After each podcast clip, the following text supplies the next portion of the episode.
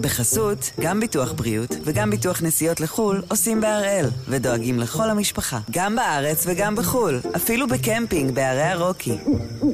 כן, גם שם, כפוף לתנאי הפוליסה וסייגיה ולהנחיות החיתום של החברה. היום יום רביעי, 13 באוקטובר, ואנחנו אחד ביום, מבית N12.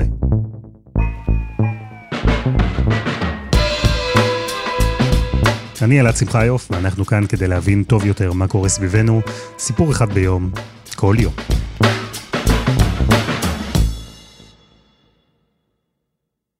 לאוזניים ישראליות הבחירות שנערכו השבוע בעיראק אולי לא נשמעות חשובות במיוחד.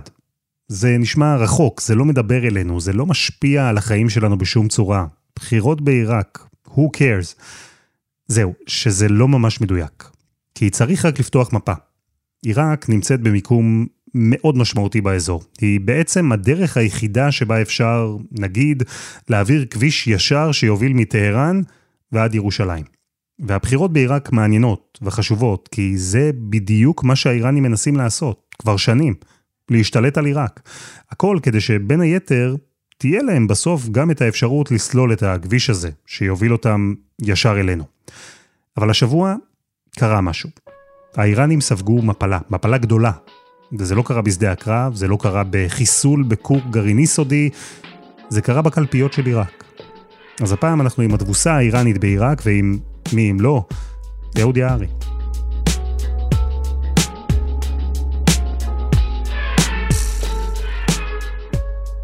אהוד, שלום. שלום אלעד. אלו באמת היו בחירות דמוקרטיות? עיראק היום היא דמוקרטיה בהיבט הזה? הבחירות היו דמוקרטיות, אה, היה ביטחון וסידורים ברמה הרבה יותר גבוהה ממה שמישהו ציפה. אנחנו לא שומעים תלונות על זיופים, שגם לזה חיכו בסיטונות. הבעיה הייתה שרק תשעה מתוך עשרים מיליון בוחרים עיראקים טרחו לבוא לקלפיות. זאת אומרת, הבחירות האלה נערכו בתוך אווירה, בתוך אקלים של החרמה המונית. מצד רובו של הציבור העיראקי, שנקעה נפשו מההתנהלות של הממשלות השונות בבגדד. למה? מה, מה הוביל בסוף את רוב העם העיראקי להיעדרות מחאתית כזו בבחירות? תראה, עיראק היא המדינה עם הפוטנציאל הכי גדול בין כל מדינות ערב. יש לה הכל. יש לה אדמה ויש לה מים ויש לה אה, בלי סוף נפט, כנראה הרבה יותר מסעודיה, ויש לה פוטנציאל אה, אדיר.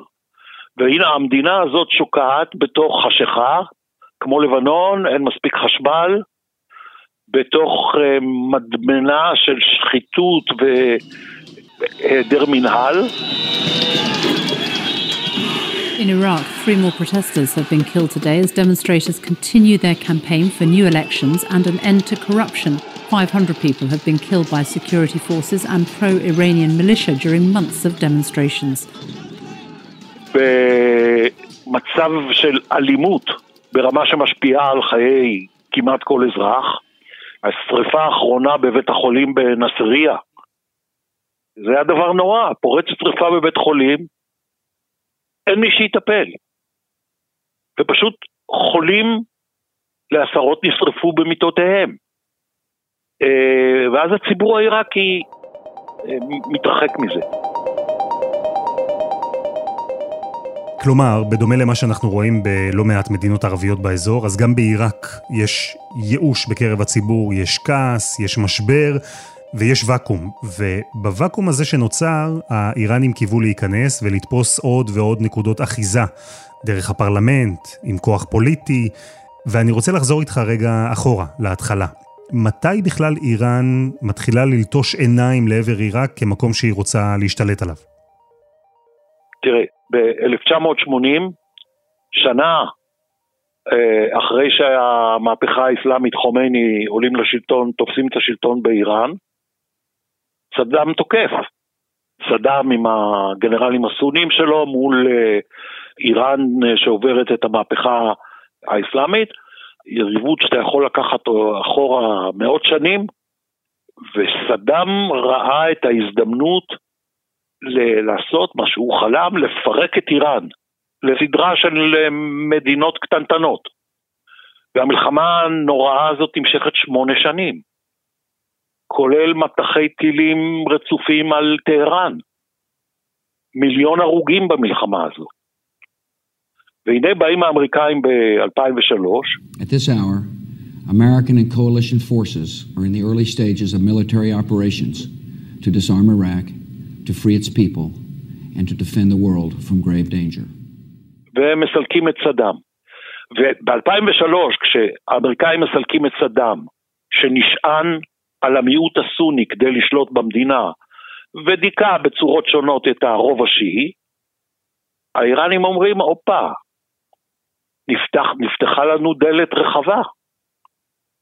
והם מגייסים, יש להם באופן מסורתי, היסטורי, זיקה וקשרים מלשים אה, בעיראק, והם מתחילים לבנות את הכוחות.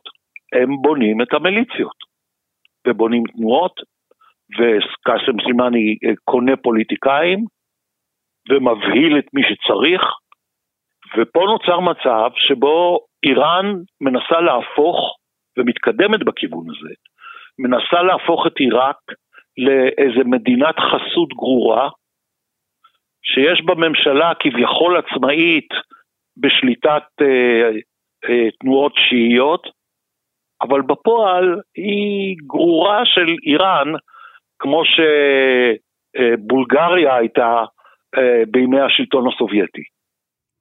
ו- וזה עבד? זה עבד בשנים האחרונות, אהוד? אנחנו, אנחנו ראינו את איראן מצליחה לתפוס עוד ועוד אחיזות בעיראק, גם צבאית אבל גם פוליטית, הדרך הזו שלהם עבדה? כן, אני אתן לך דוגמה. המיליציות שלהם פחות או יותר השתלטו על ציר התנועה למערב עיראק, מחוז אל-אנבר, בואכה הגבול הסורי, והפכו אותו לפרוזדור של העברת אה, משלוחי נשק. מטילים ועד uh, כלי טיס בלתי מאוישים, הם בעצם השתלטו על הגבול שבין uh, סוריה ועיראק, והממשלה בבגדד קצרה ידה לטפל בזה. אתן לך דוגמה, בשבועות האחרונים פתאום, מסיבות שלהם, הפסיקו uh, אספקת חשמל שהם היו נותנים לעיראק לפי הסכמים ישנים. ו... עיראק צללה לתוך חשיכה. התלות של עיראק באיראן הלכה וגברה, אף על פי שאמרתי, עיראק היא המדינה עם הפוטנציאל הגדול לאושר יותר מאשר איראן.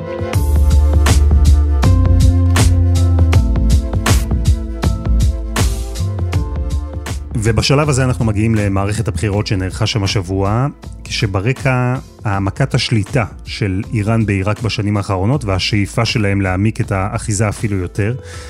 איך בעצם האיראנים, אה, באמצעות אותן מפלגות שנאמנות להם, איך הם התכוננו לבחירות האלה? בתקופת אה, מערכת הבחירות, שהיא לא הייתה ארוכה, הם אה, ניסו לקדם את השלוש רשימות עיקריות.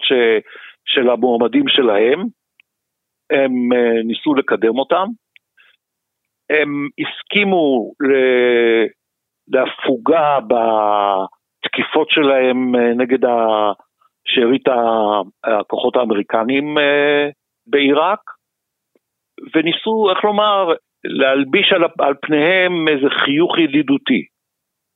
אני רוצה, אלעד, אבל להגיד משהו, כי הבחירות האלה היו מלכודת. גם האמריקאים, שאמרו אנחנו מוכנים להוציא את הכוחות הלוחמים, אה, אז הם נהגו נכון, יצרו איזה שיפור של האווירה. והדבר השני, שהם היו מלכודת של ראש הממשלה מוסטפא קאזמי, איש רציני, עיתונאי לשעבר, הוא לא רץ בבחירות, אין לו מפלגה, אם כי יכול להיות שהוא יישאר ראש הממשלה. הוא הקדים את הבחירות, ושינה את חוק הבחירות. במקום שהבחירות יערכו ב-18 מחוזות, הם נערכו, אה, כן, בשיטה אזורית, ב-83 נפות. והאיראנים וה... ושלוחיהם בפרלמנט העיראקי הסכימו לזה, ופה הם נפלו קשה. כלומר, בהחלטה של ראש הממשלה של עיראק, השינוי שנעשה שם הפך את הבחירות ממשהו שעבור מצביע בודד היה אולי אה, גדול ומנוכר, הוא היה צריך להצביע לרשימה שהוא לא כל כך מכיר, במחוז גדול. פתאום הבחירות האלה הפכו להיות משהו כמעט אה, מקומי. ואתה אומר שזו מלכודת. איך הדבר הזה בעצם השפיע על תוצאות הבחירות? בבחירות 2018, כשהבחירות אה, אה, נערכו ב-18 מחוזות, אז רצו הרשימות הפרו-איראניות, אה, השיגו הישגים יפים, הם לא ניצחו, הם לא זכו ברוב, הם השיגו הישגים יפים, באופן שנתן להם כוח אה, במשא ומתן הקואליציוני אחר כך, כי הבוחר נאלץ להצביע בעבור רשימה, בעצם. כשחילקת את עיראק ל-83 מחוזות, הבוחר מכיר את המועמדים. הוא יודע מי מושחת, מי מקורב לאיראנים, מי לא, מצביע אחרת. ומה שקרה, שהם ירדו ל-14 מושבים בפרלמנט בבגדד, מתוך אה, 369 מושבים. זאת אומרת, הם, הם נמסו. המצביעים העיראקיים נפנפו החוצה. את כל מי שנחשד כמשרת אינטרסים של איראן. וההתרסקות היא מדהימה, אני אומר לך, בשעות האחרונות בעיתונות הערבית, רעידת אדמה.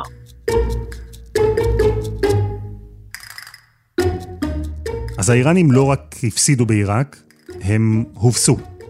אבל זה לא הדבר המשמעותי היחיד שקרה להם במערכת הבחירות בעיראק, כי גם בצד השני, בצד המנצח, האיראנים חטפו מכה גדולה. אבל קודם, חסות אחת, וממש מיד חוזרים.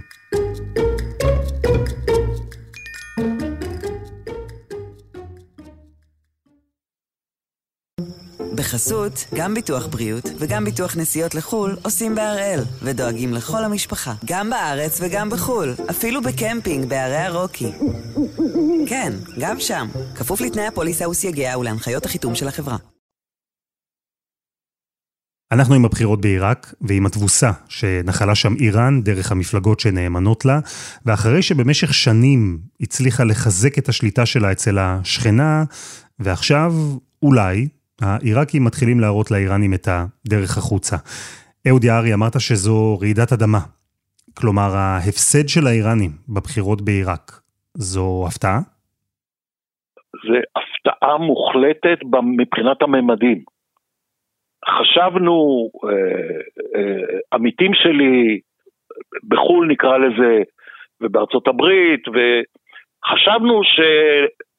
תהיה, שבגלל שינוי שיטת הבחירות, התכסיס הזה, המלכודת שהניחו להם, שהמפלגות הפרו-איראניות לא, לא התחזקו. אבל שהם התמוטטו ככה, אף אחד לא ראה. אני לא יודע על איש אחד שטוען שהוא חזה את זה. בטח לא האיראנים עצמם. סוקר דעת הקהל הבולט של עיראק, הוא אומר, הבוחר העיראקי העניש כל מי שלא נחשב לפטריוט עיראקי 100%, קרי כל מי שנחשב כגרור, סוכן, אה, תחת השפעת איראן. אז דיברנו על המפסידים, בואו נדבר על המנצח. מי הוא? האיש שניצח, מוקתד א-סאדר, הוא נקרא כהן דת, הוא לא ממש כהן דת, הוא לא איש מלומד. אם כי ישב קצת בסמינרים אה, الشيء بإيران وبمكومات آخرين تحقيق السلام والاستقرار والاستقلال للعراق إن شاء الله ونبارك جهودها ونثمن جهودها وإيشا פכפך, מוזר, מלא גחמות. אה, הודיע שהוא עוזב את הפוליטיקה וחזר, הודיע שהוא מחרים את הבחירות וחזר בו, אה, טיפוס.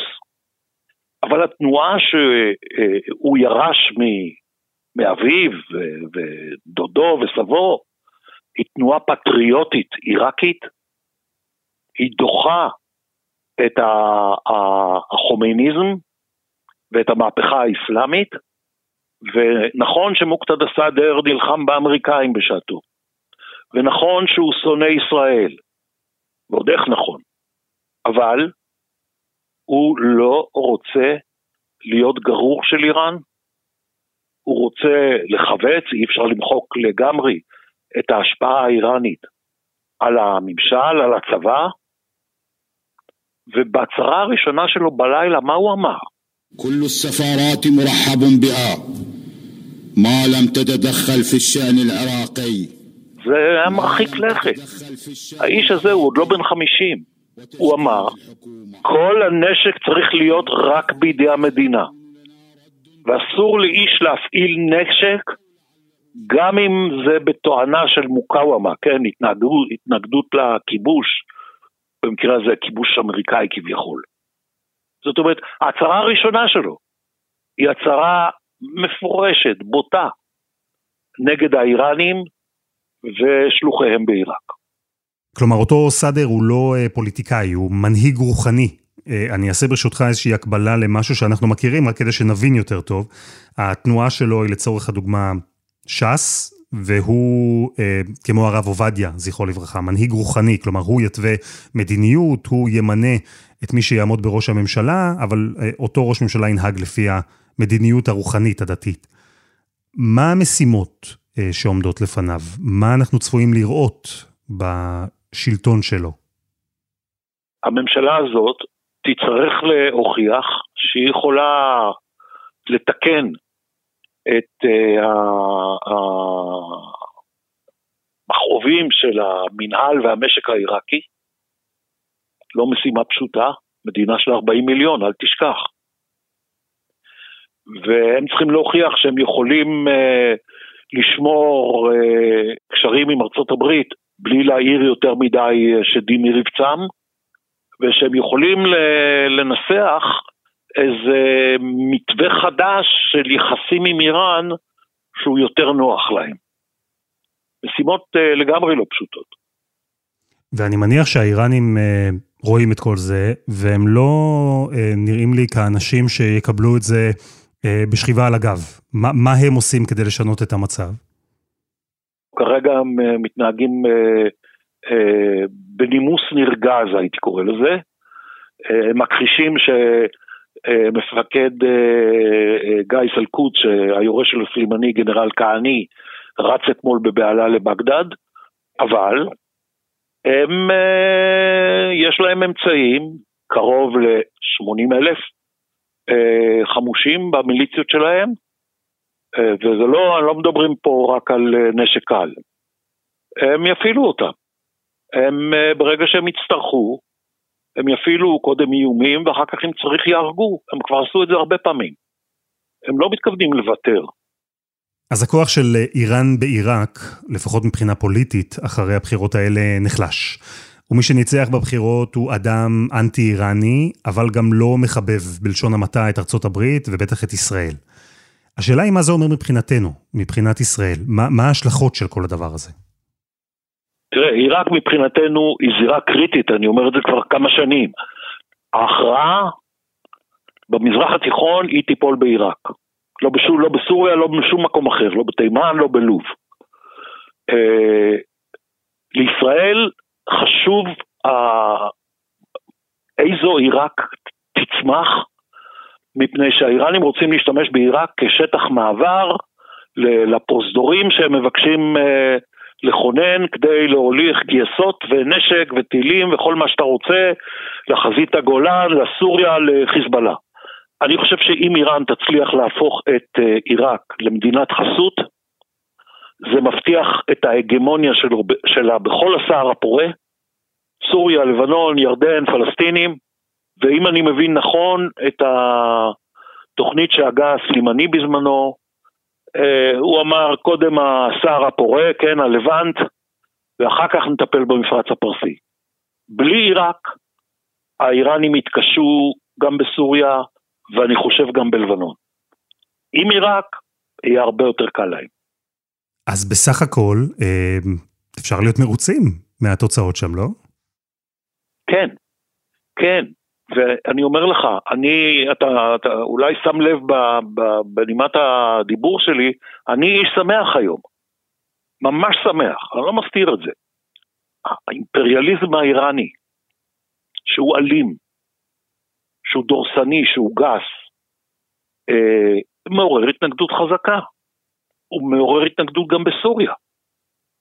תושבי עמק הפרת הסורי מאושרים מזה שהאיראנים אה, מנסים להפוך לבעלי הבית שם? לא, רגע, הם צריכים הזדמנות. בעיראק שיחקו את זה נכון הפעם. היו אנשים מתוחכמים בממשלה בבגדד, אה, בעיקר ראש הממשלה קאזמי, שבתחכום, בעדינות, לא בבוטות, תמרנו לאט לאט והגיעו למטרה.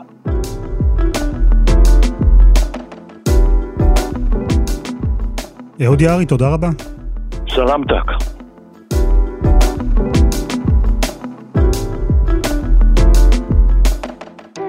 וזה היה אחד ביום של N12. הפרק הזה, כמו כל הפרקים הקודמים שלנו, למשל טרילוגיית אפגניסטן שלנו, הבריחה מכאבול, הבוץ האפגני והסיפור של זהיר, אז כולם זמינים ב-N12 ובכל אפליקציות הפודקאסטים. אנחנו גם בפייסבוק, אם אתם עדיין לא חברים בקבוצה שלנו שם, זה הזמן. העורך שלנו הוא רום אטיק, בצוות עדי חצרוני ודני נודלמן, על הסאונד יאיר בשן, שגם יצר את מוזיקת הפתיחה שלנו, ואני אלעד שמחיוף, ואנחנו נהיה כאן שוב, גם בשבוע הבא.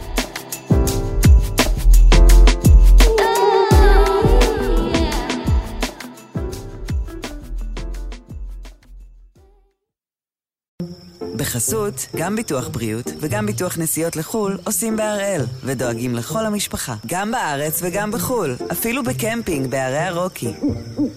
כן, גם שם, כפוף לתנאי הפוליסה וסייגיה ולהנחיות החיתום של החברה.